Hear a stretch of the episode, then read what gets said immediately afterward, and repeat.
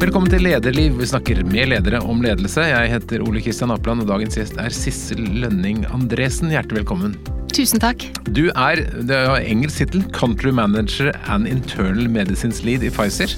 Ja, vi kan si daglig leder på godt norsk. På godt norsk, ja, for Ja. Bruker, dere, dere har, bruker norske titler også noen Ja ganger. Ja, Så bra. Og Pfizer har jo blitt et, et veldig kjent selskap, enda mer kjent selskap for nordmenn det siste året, for dere har jobbet med vaksine. Det må vi snakke litt om. Men fortell oss først, hva, hva gjør dere i Norge? Hva gjør Pfizer i Norge? Du, vi er, vi er 90, for å ta det først, vi er 90, ca. 90 ansatte i Norge. eh, Og vi sørger for at eh, de eh, godt over 120 produktene som vi har i vår portefølje, eh, blir tilgjengelig for norske pasienter. Så det er jo knytta mye, mye administrasjon til det. Overvåkning av sikkerhet, sørge for at papirene er på plass. Vi driver også informasjonsarbeid ut mot helsepersonell, spesielt på de nyere legemidlene våre. Og så vi, forsker vi jo mye, så vi har også en del mange nye legemiddel i, i pipeline på det vi kaller vårt, vårt fagspråk, som vi også da jobber med for å gjøre tilgjengelig eh, for norske pasienter. Og da er det jo snakk om at man blir enig om finansieringsordninger, riktig markedsføringstillatelse osv. Og Pfizer er et stort og tradisjonsrikt selskap. Ja, vi er vel ca. 90 000 eh, globalt sett. Jeg lurer på om vi hadde noe 150-årsjubileum nå for en liten stund siden, uten at ja, tiden går fort. Men det, er- ja, det er lang, lange tradisjoner. Eh, Hovedkontoret er nå i, er i New York. Men dere lager ikke noe medisin i Norge? Eh, Nei, eh, vi eh, Eller vi, vi lager ikke selv, men vi har utlisensiert eh, en del produkter til en fabrikk i, rett utafor Halden. Eh, Fren- Fresenius, de produserer da antiinfeksjonslegemidler til injeksjon for, eh, for Pfizer. Til det globale markedet. Så jeg har forstått at i deres bransje så er det noen selskaper som liksom har, er sterkere på noen områder enn andre. Har dere noen spesialområder som Pfizer er god på? Eh, Vi har seks områder eh, som vi satser tungt også innenfor forskning på. Det er onkologi, altså kreft. Og så er det den avdelinga som jeg i tillegg til å være daglig leder for, er leder for, det vi kaller internal medicine. Det er legemiddel som også brukes mye i allmennpraksis. Og så har vi det vi kaller hospital-produkter, eh, som brukes mye i hospital. Og så har vi også en egen forretningsdel som er ansvarlig for sjeldne sykdommer. Kjempespennende område. Og så har vi en egen vaksineenhet, og til slutt så har vi det som heter immunologi, eh, biologiske legemiddel. Så en, eh, jeg vil si at vi har eh, ja, en bred portefølje. Mm. Hva er det mest kjente legemiddelet som, som folk i Norge kjenner? Det vil jeg anta er Viagra. Ja, det har vi hørt om. mye vitsing mye vitsing rundt. Men det har vært en stor suksess, er det ikke det? Eh, jo da, det er klart at det var en, eh, en, eh, ja, en liten revolusjon det når det kom på markedet. Sånn omsetningsmessig eh, så har det ikke vært sånn kjempestort. Vi har andre og flere legemidler som er, som er mye større i antall pasienter som har fått det enn det Viagra er. Men det er klart at eh, merkevaren Viagra den er, den er jo kjent for ja, hele verden, vil jeg tro. Og du har jo da vært veldig lenge i Pfizer, så du må jo trives godt der. Du, du har vært der i 18 år til sommeren eller noe sånt? Ja, du faktisk så fikk jeg blomster på døra her nå forrige uke, for at jeg har vært der i 20 år. For jeg begynte i Farmasia, og de ble kjøpt opp av Pfizer. Og var det sånn det var, ja? så da teller de to årene i Farmasia med da i min eh, Pfizer-karriere. Så det blir 20 år nå i år, faktisk.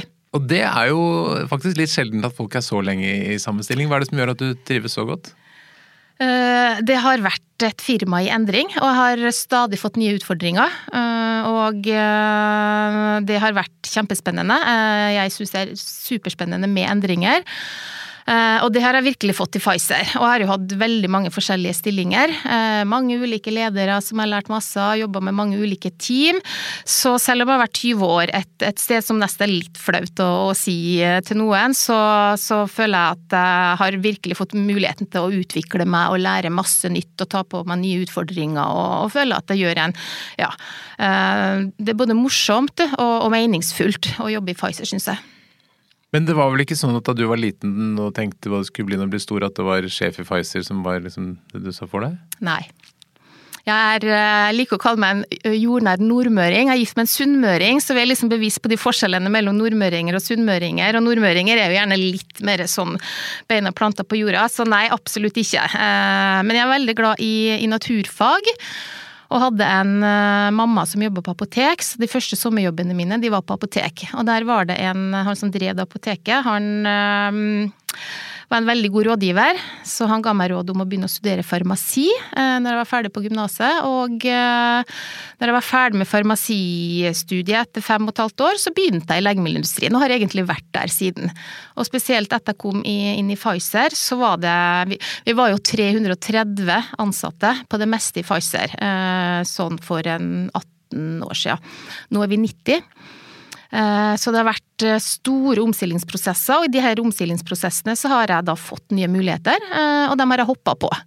Og, så balla det ene på seg etter det andre, og den første lederjobben fikk jeg vel da ja, det begynner å bli en 12 år siden.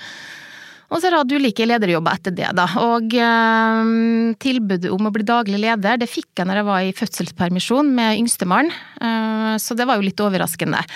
Så jeg måtte gå en runde med både meg selv og mannen min om det her var det riktige. Eh, men jeg takka ja, så jeg begynte da som daglig leder når eh, yngstemann var syv måneder. Så det var ja, spennende tid. Hva var det som gjorde at du valgte å takke ja til det?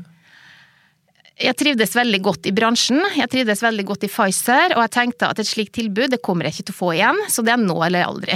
Selv om jeg selvfølgelig kunne gjerne tenkt meg å, å vært hjemme noen måneder til med, i, i fødselspermisjon og sånn, så tenkte jeg ok, det, det får så være. Uh, det her er en mulighet jeg ikke kan takke nei til, så da var det, gjorde, det var egentlig ganske lett å si, si ja, altså.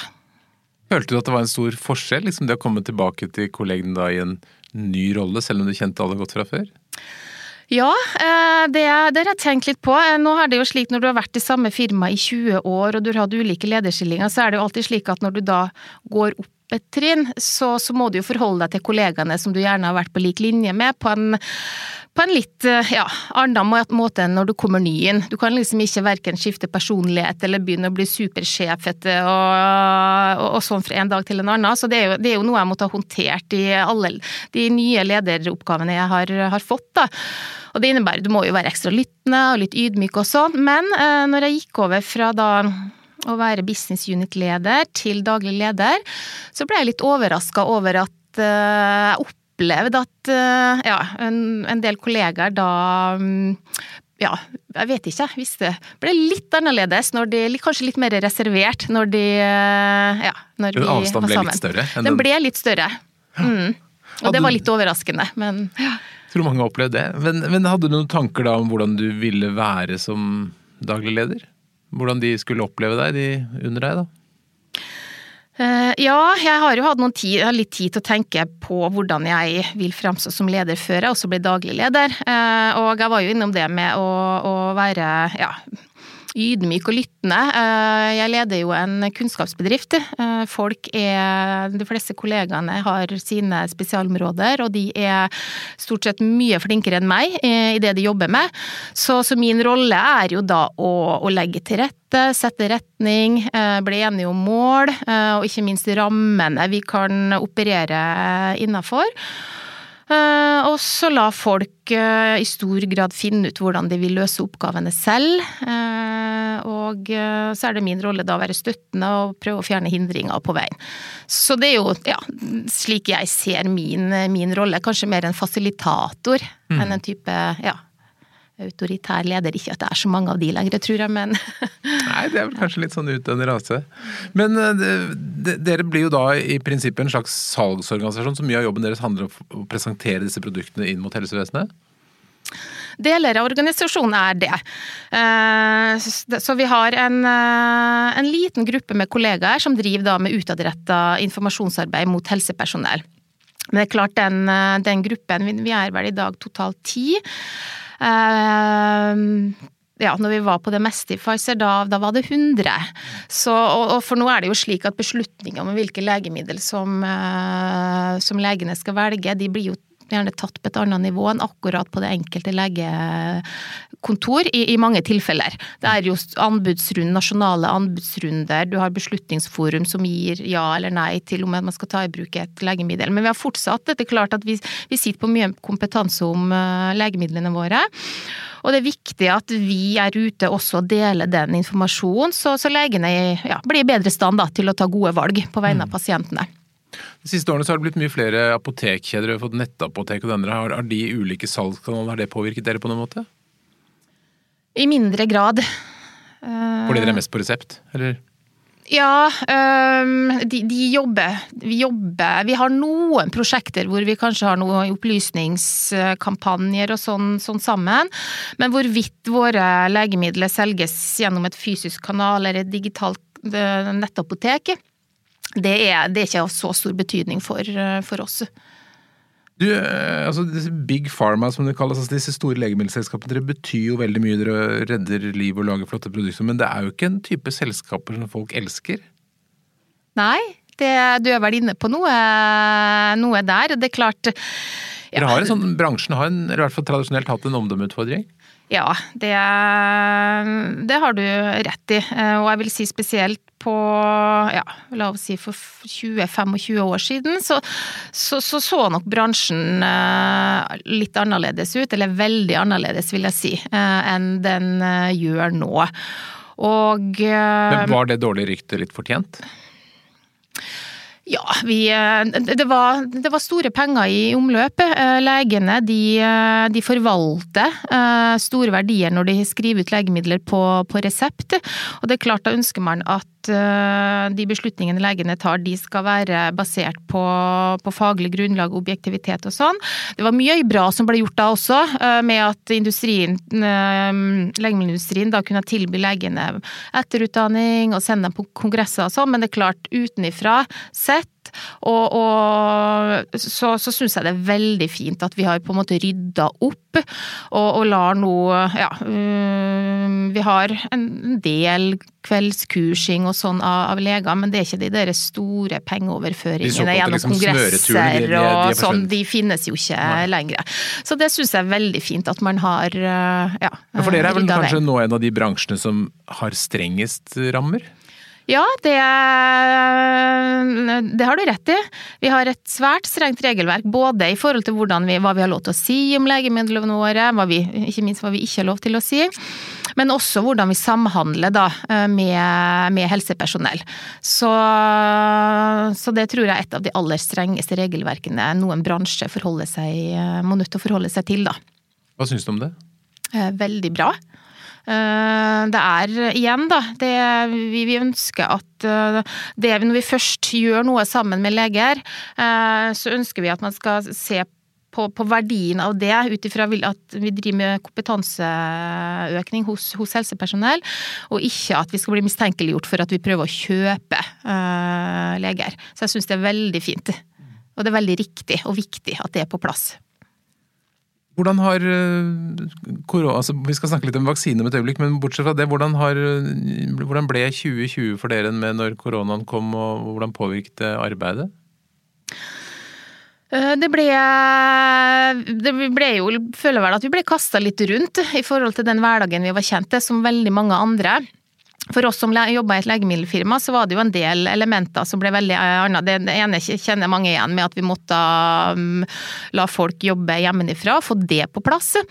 Uh, og så um, kom det jo fort en, en bekymring om uh, at de globale forsyningslegemidlene for, um, for legemidler da kunne bli forstyrra. Så vi hadde jo et veldig stort fokus på å sikre at vi kunne levere legemidler til det norske markedet, som var da um, en hovedprioritet i Norge. Og på hovedkontoret så, så, så man jo fort her at man kunne faktisk spille en rolle i å, å begynne å utvikle en, en vaksine. Så, men det var jo mye av det det foregikk på hovedkontoret. Men disse forsyningskjedene, klarte, har dere klart å levere medisiner i Norge? Du, vi har det. Eh, det har faktisk, så vidt jeg vet, det har i hvert fall ikke vært mer legemiddelmangel i år enn det har vært eh, tidligere. Men det var noen hektiske uker en periode hvor vi hørte om enkelte land som stoppa transitt av legemiddel ut av landet, eller eksport for de ville ja, beskytte sine egne Eller sikre sin egen befolkning og sånn. Men, men, heldigvis, det var bare et blaff. Og så tror jeg alle i verdikjeden de jobba knallhardt for å mitigere da at man skulle havne i en mangelsituasjon. Og dere bød frem noen av deres ansatte til Helsevesenet Norge? Ja da, vi gjorde det. Vi sa det at de som eh, da er helsepersonell, og de kunne registrere seg frivillig uh, i kommunene som spurte om det. Uh, så det, det åpna vi opp for. og dere vært... betalte for det? Var det sånn? Ja, da var tanken at de skulle få lønna permisjon mm. uh, når de, de jobba der. Det er jo ganske mm. flott. Hvordan ble det tilbudet mottatt? Tilbudet ble eh, veldig godt mottatt. Det var en del kollegaer som registrerte seg. Eh, så vidt jeg vet så kom det vel ikke til det at det var så mange kommuner som trengte frivillige. Eh, men vår eh, medisinske direktør, han er anestesilege, så han har jobba nå på, på, på, ved siden av jobben i Pfizer som eh, anestesilege på, lege, nei, på sykehuset, jeg tror det er i, ja, i Kalnes. Så han har fått børsta støv av litt gamle kunstner. Så bra. Hvordan var reaksjonen internt da du sa til de ansatte at de kunne få betalt permisjon for å jobbe i helsevesenet? Jo, de ble kjempeglade. De hadde jo stilt spørsmål om det i forkant før vi rakk å ta beslutninga, så mange syntes det var kjempeflott. Og eh, vi har jo sett det. I løpet av den perioden her så har jo ja, stoltheten over å jobbe i Pfizer eh, økt. Hvis, hvis, vi, hvis, vi, trenger ikke gå så mye inn i detaljer på akkurat vaksinen, men sånn generelt, hvordan, hvordan lager man en vaksine? hvordan starter man når man skal lage en vaksine? Hvordan går man frem? Det er ulike måter uh, å lage en vaksine på, uh, og uh, jeg er ikke noen sånn tung fagekspert. Men det er i hvert fall ulike varianter nå av de vaksinene som vi har hørt om. Så er det litt ulike varianter av, av de. Pfizer de tok kontakt med det her firmaet Biontech, eh, for vi hadde vel vært i dialog med dem om noe tidligere. For de hadde jo da en, en veldig spennende og moderne teknologi for å utvikle eh, en vaksine hvor du bruker arvemateriale i, i viruset til å sette i gang den immunrespons. Så er det jo slik at da må man jo først se at prinsippet virker i en ja, petriskål uh, på, på labbenken. Mm -hmm. Og så Så da har man noen virus, og så tilsetter man, og så skal du Så ser man hva som ser Ja. Mm -hmm. Litt sånn man, kjemisett som vi hadde med oss små. Ja, det, jeg vet ikke akkurat hvordan det ser ut, så jeg skal ikke Ja, tør ikke å gå i detaljer på det, altså. Men, men, i hvert fall så må man jo også begynne å se hvordan det oppfører seg i mennesker. Så de, man har jo ulike faser når man teste ut legemidler. Eh, og fase én, da, da, kjører man studier på veldig få eh, friske pasienter for å sjekke sikkerheten. Og så Men det er ikke noe dyreforsøk? Jo, det er også mm. ja, dyreforsøk. Mm. Mm. Eh, før man setter i gang på, ja. uh, i, i mennesker. Og så øker man eh, eh, antallet forsøkspersoner litt i fase to, og så er det da de store fase tre-studiene, som, som, vi kaller det, hvor man da får eh, vaksinen i, i, store grupper.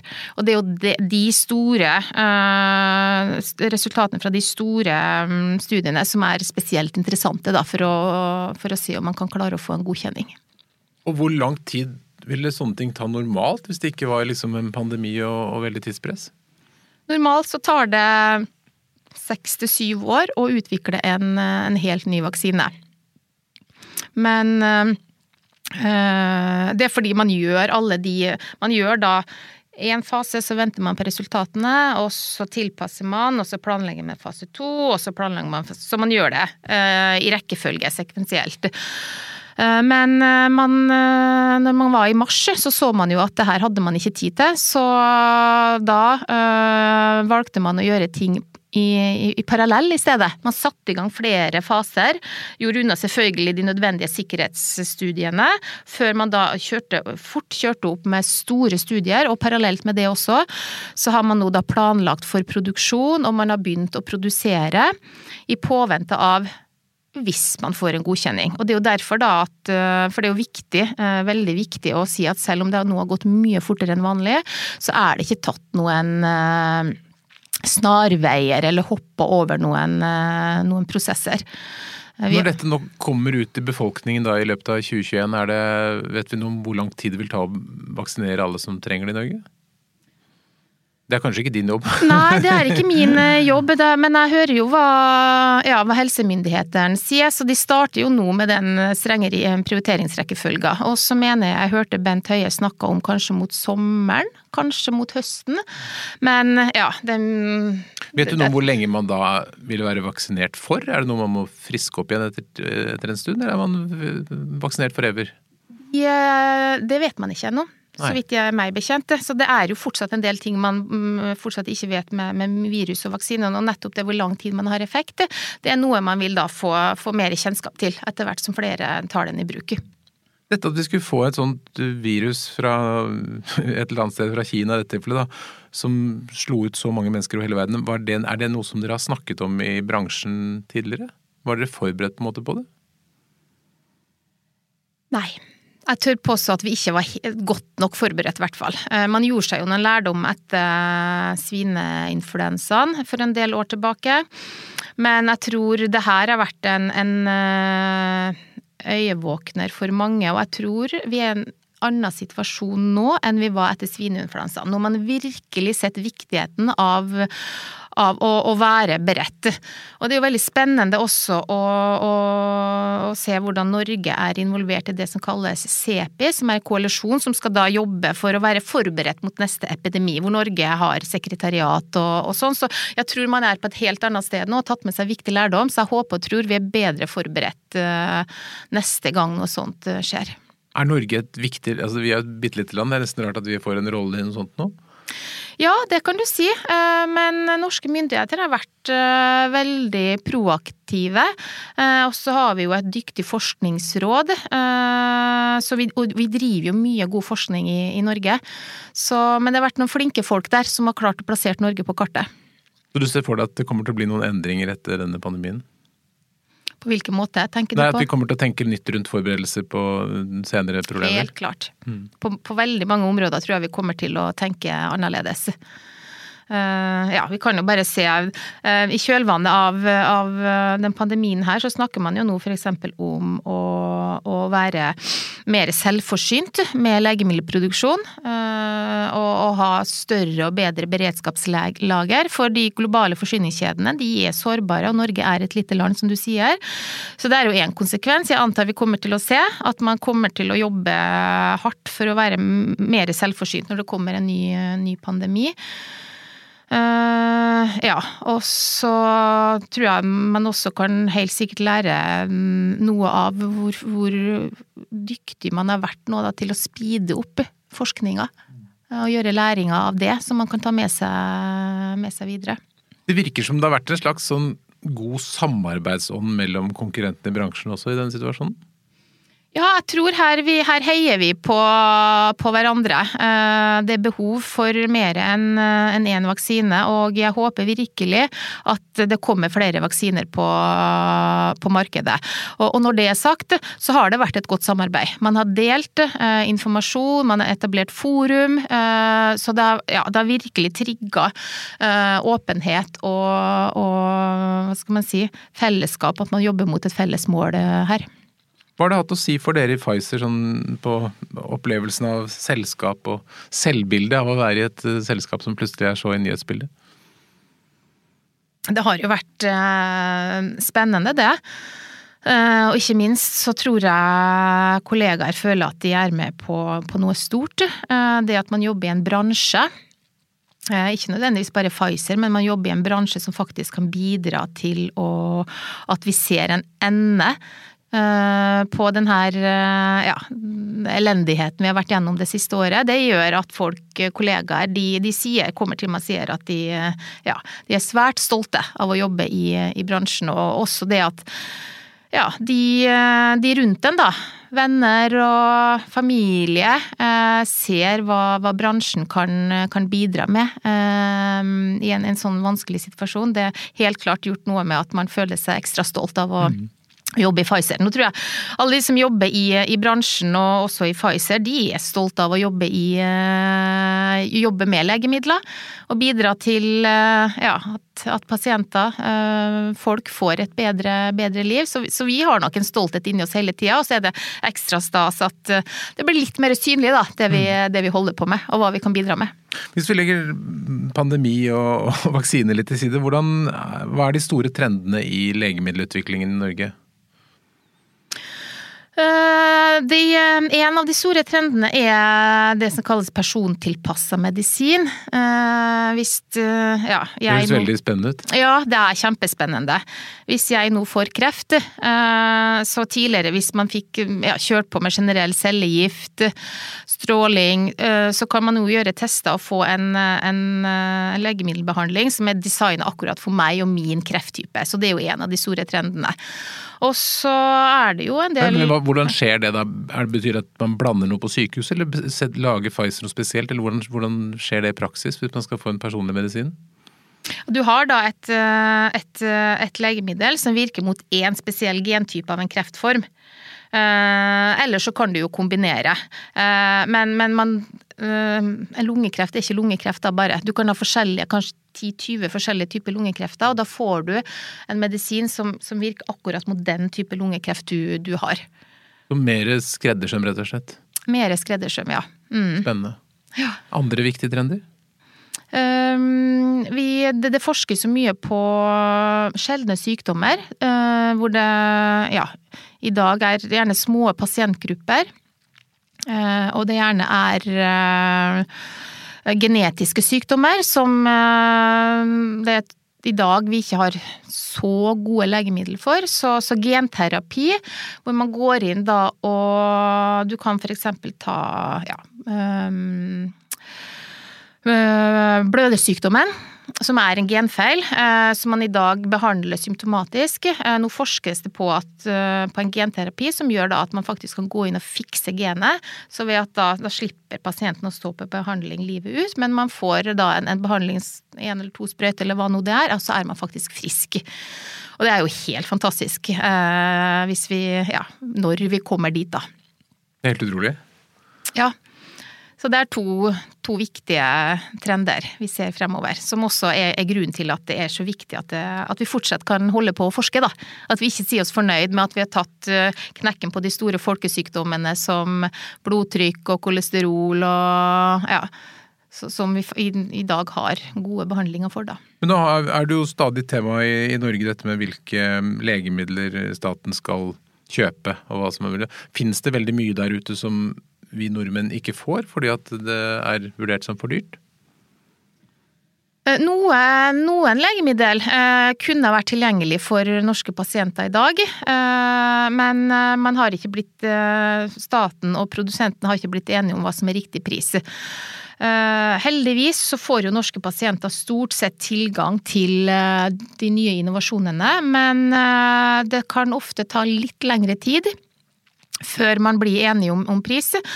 Og så skal man jo ikke se bort ifra at man har også legemiddel hvor, ja, hvor, hvor produsenten da uh, mener, at, mener å forsvare, kunne forsvare en pris, mens myndighetene da ikke ønsker å, betale, betale, det.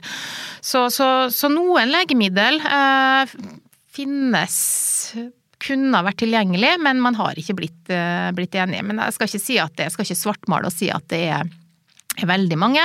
Men, men, det er klart at når det kommer nye, noe helt sånn revolusjonerende nye terapiområder, sånn som f.eks. genterapi, så skal det jo bli spennende å se eh, hva, hva, hvilken strategi norske myndigheter da legger opp. Du kan jo tenke deg da, hvis du har et legemiddel som behandler blødersykdommen over et langt livsløp, hvor mye Ja, det koster så og så mye, så kommer det en produsent med et legemiddel som du kanskje skal ta én eller to av, men pasient bør frisk. Hvordan skal du prissette et sånt legemiddel? Så det er en del store eh, spørsmålsstillinger som vi kommer til å måtte ta tak i, i fremover. Og For selskap som Pfizer så handler det om at man har investert masse i utvikling, og så skal man ha betalt for det i en ganske begrenset periode, er det ikke slik?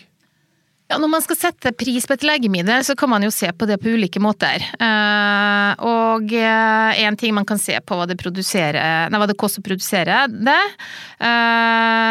Og, eh, men det er klart, det vil ikke ta høyde for eh, investeringene som er gjort i forkant. Og så kan man eller så kan man se på ok, hva har man investert i, i forskninga. Altså har man da de årene som du sier hvor man har patent og kan selge eksklusivt og skal ta igjen eh, ja, en, en inntjening der.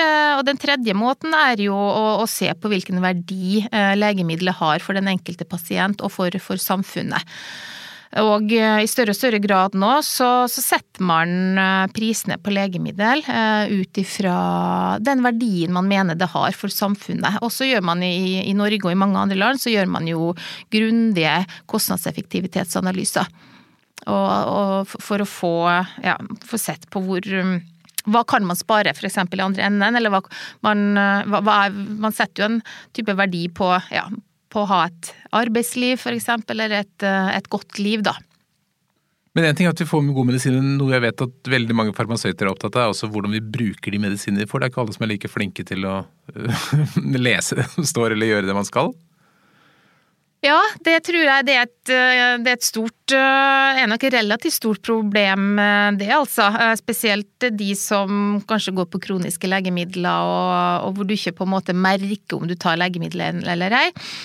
Så, så, det å sikre at uh, folk tar medisinene riktig, det er en oppgave, kjempeviktig oppgave. Som, som mange kan, Der kan apotek hjelpe til, der kan uh, ja, uh, selvfølgelig leger hjelpe til, og også, også, myndighetene. Vi har jo ikke lov til å si så mye om, om legemidlene våre da, til, til, pasienter, men vi bidrar jo der vi, vi kan, vi også.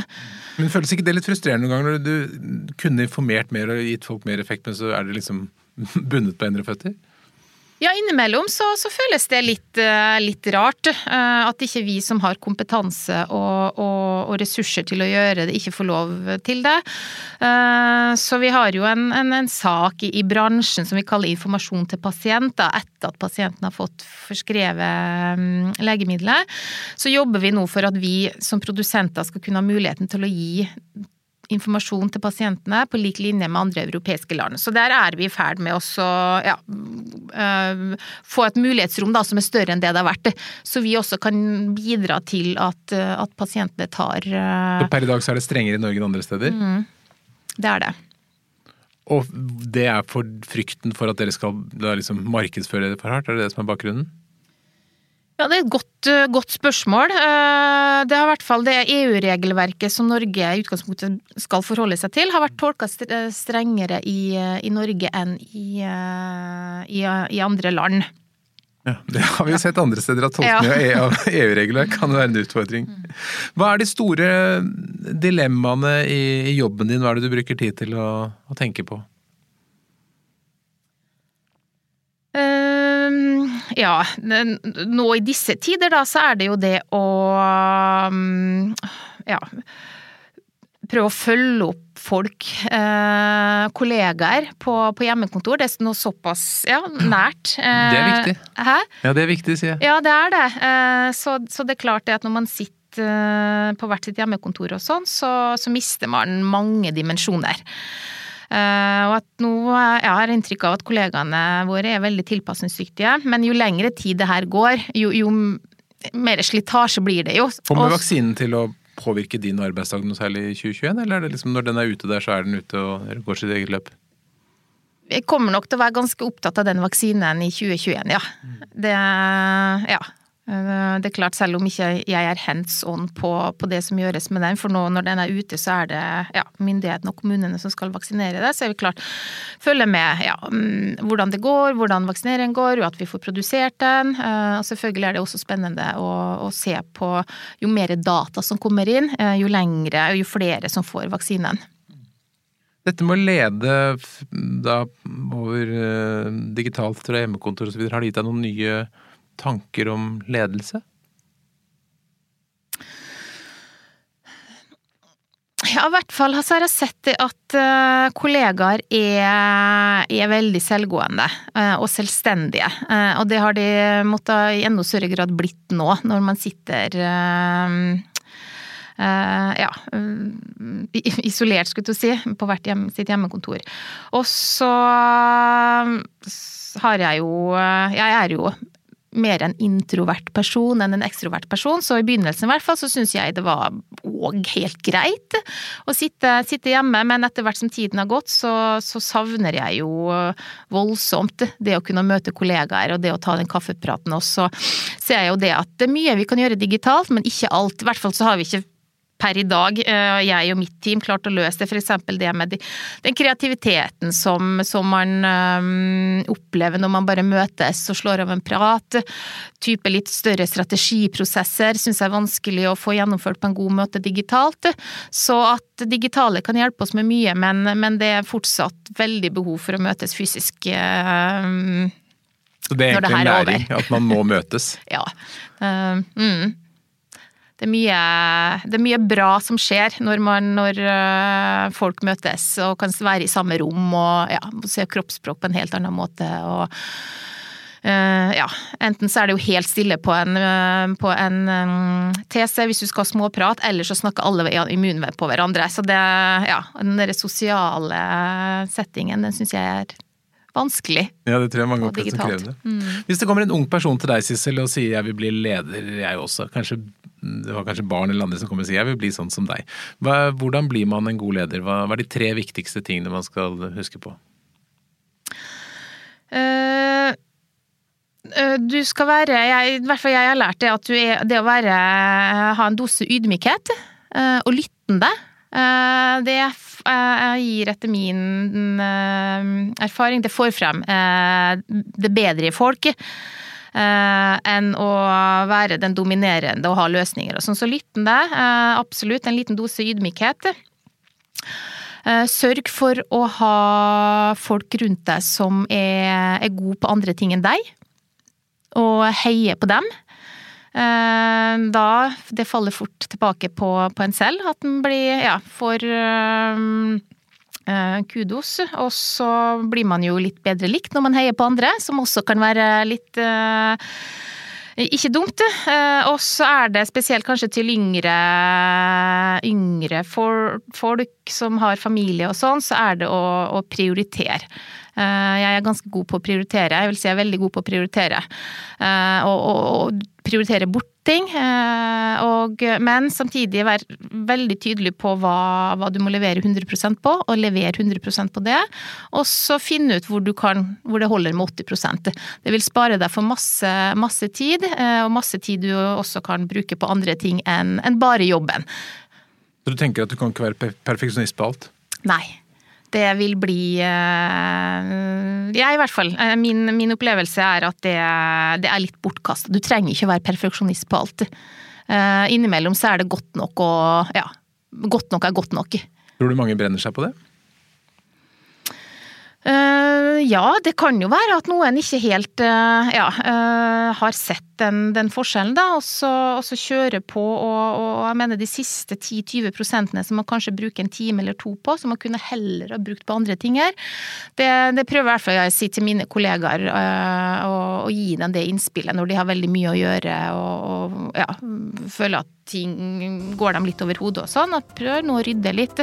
Rydde bort det som Ja, og ikke bruke det er ikke alltid du trenger å bruke den timen på de siste ti prosentene. Det er spennende råd. Tusen takk for at du kom til Lederliv, og lykke til med alt som skal skje i 2021. Takk skal du ha. Lederliv er en podkast fra Apeland. Redaksjonen består av Ellen Paulsen, Lars Jarle Melum, Lars Volden og meg, som heter Ole Kristian Apeland. Hvis du vil høre mer, så trykk abonner. Da får du varsel når det kommer nye episoder. Og hvis du har noen tips, så send en e-post til tips at eller til meg, ole at apeland.no. Takk for at du lytter.